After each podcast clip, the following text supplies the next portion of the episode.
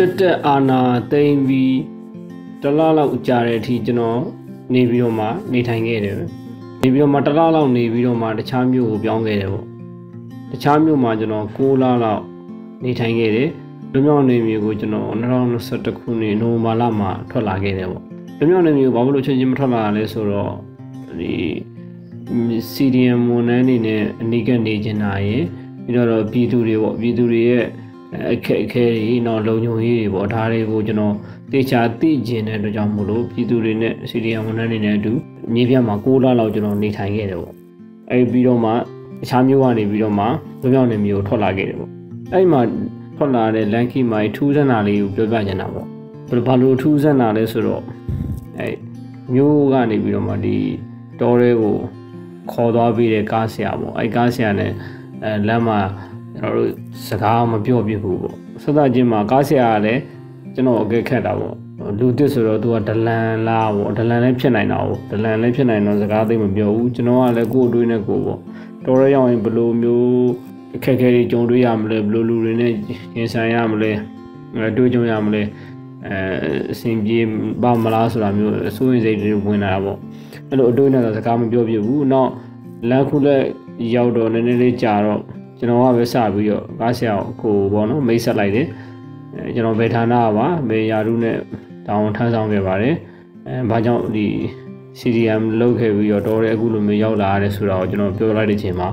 အဲ့ကားဆရာကိုကလုံးဝသူ့ရဲ့ပုံစံပြောင်းသွားတယ်ဘယ်လိုမျိုးပြောင်းသွားလဲဆိုတော့ဒီအန်ဝရကြီးဝမ်မန်တတာနဲ့ကျွန်တော်နှုတ်ဆက်တာပေါ့အဲကျွန်တော်ဒေဒီဆန်ဟာဆရာဘယ်ဌာနကလားအဲဒါတွေ့ရတော့ဝမ်းသာတယ်ပေါ့ဆိုပြီးတော့ ဖလဲတကင်းနှုတ်ဆက်တယ်ပြီးတော့တဲ့အချိန်မှာတရင်တနည်းပဲပူးဝင်နေလိမ့်မယ်နိုင်ငံရေးအကြောင်းတွေပြောတယ်ဆွေးနွေးတယ်ပေါ့စစ်တပ်အာဏာသိမ်းလိုက်တယ်မဲခိုးတယ်ဆိုတော့ကြောင့်မကျန်တဲ့အာဏာသိမ်းလိုက်တယ်ပြည်သူတွေအခုဘယ်လောက်ဒုက္ခရောက်နေပြီအဲမကောင်းဘူးပေါ့နော်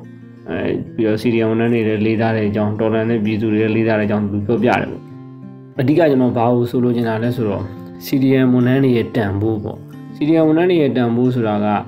ရောက်တဲ့နေရာနဲ့တွေ့ကြုံရတဲ့ ပုံဝန်းကျင်လူပုဂ္ဂိုလ်တွေနဲ့သက်ဆိုင်တယ်ပေါ့အဓိကသက်ဆိုင်နေရေပေါ်စီတွေများတဲ့အရက်ဒေတာတန်ဖိုးမဲတဲ့သူတွေတန်ဖိုးမရှိတဲ့သူတွေနေတဲ့အရက်မှာနေတော့စီနီယာဝန်ထမ်းတွေကတန်ဖိုးထားခံရမှာမဟုတ်ဘူးနှိမ့်ချဆက်ဆက်ခံရမယ်တချို့ဆိုရင်စော်ကားမော်ကားပြောတာတွေလည်းခံရခံရမယ်ပေါ့နော်အဲ့လိုမျိုးအဲဖြစ်နိုင်တယ်နောက်ပြီးတော့တကယ်တန်ဖိုးတိတဲ့အရက်တန်ဖိုးရှိတဲ့အရက်တန်ဖိုးရှိတဲ့ပုံဝန်းကျင်မှာအဲနေထိုင်လို့ရှိရင်တော့ တမိုးထားတဲ့သူတွေနဲ့ကြုံရမယ်ပေါ့နော်အဲကျွန်တော်ကျွန်တော်လိုမျိုးပေါ့ကျွန်တော်ကြုံတွေ့ခဲ့ရတဲ့သူတွေကအဲစီရီယန်ဝန်ထမ်းတွေရဲ့တန်ဖိုးတွေ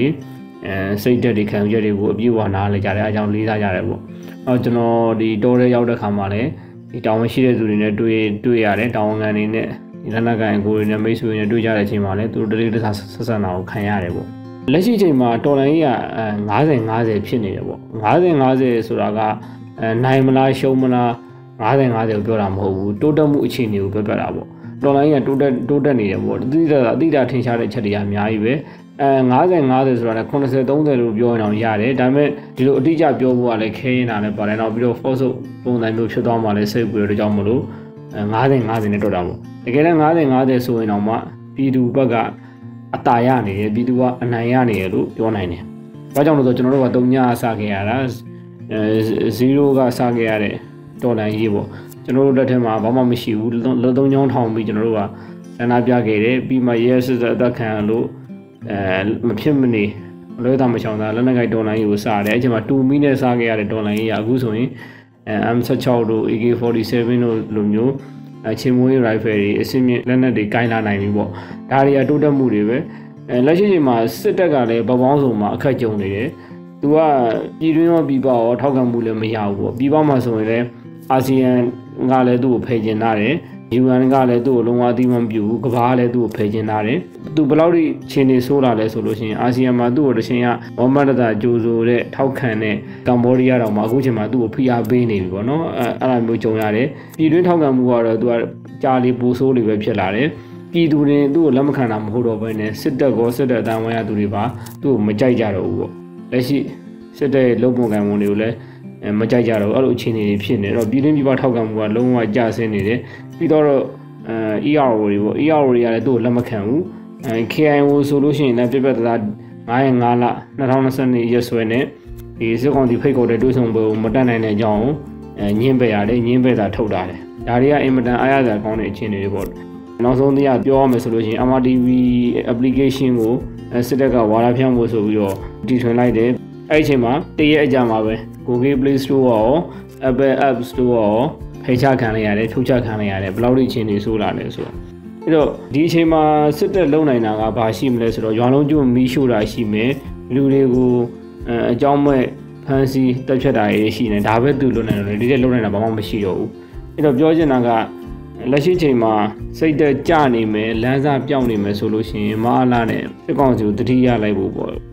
သူတို့တော့ချင်းဒီကိုကမစိုးသေးဘူးသူတို့ကထောက်ပေါက်ပေးသွားပြီလမ်းစာပြောက်သွားပြီကိုတွေကမကြခင်မှာအောင်ပွဲရတော့မှာပေါ့နော်မကြခင်အောင်ပွဲရတော့မယ်ဆိုတာ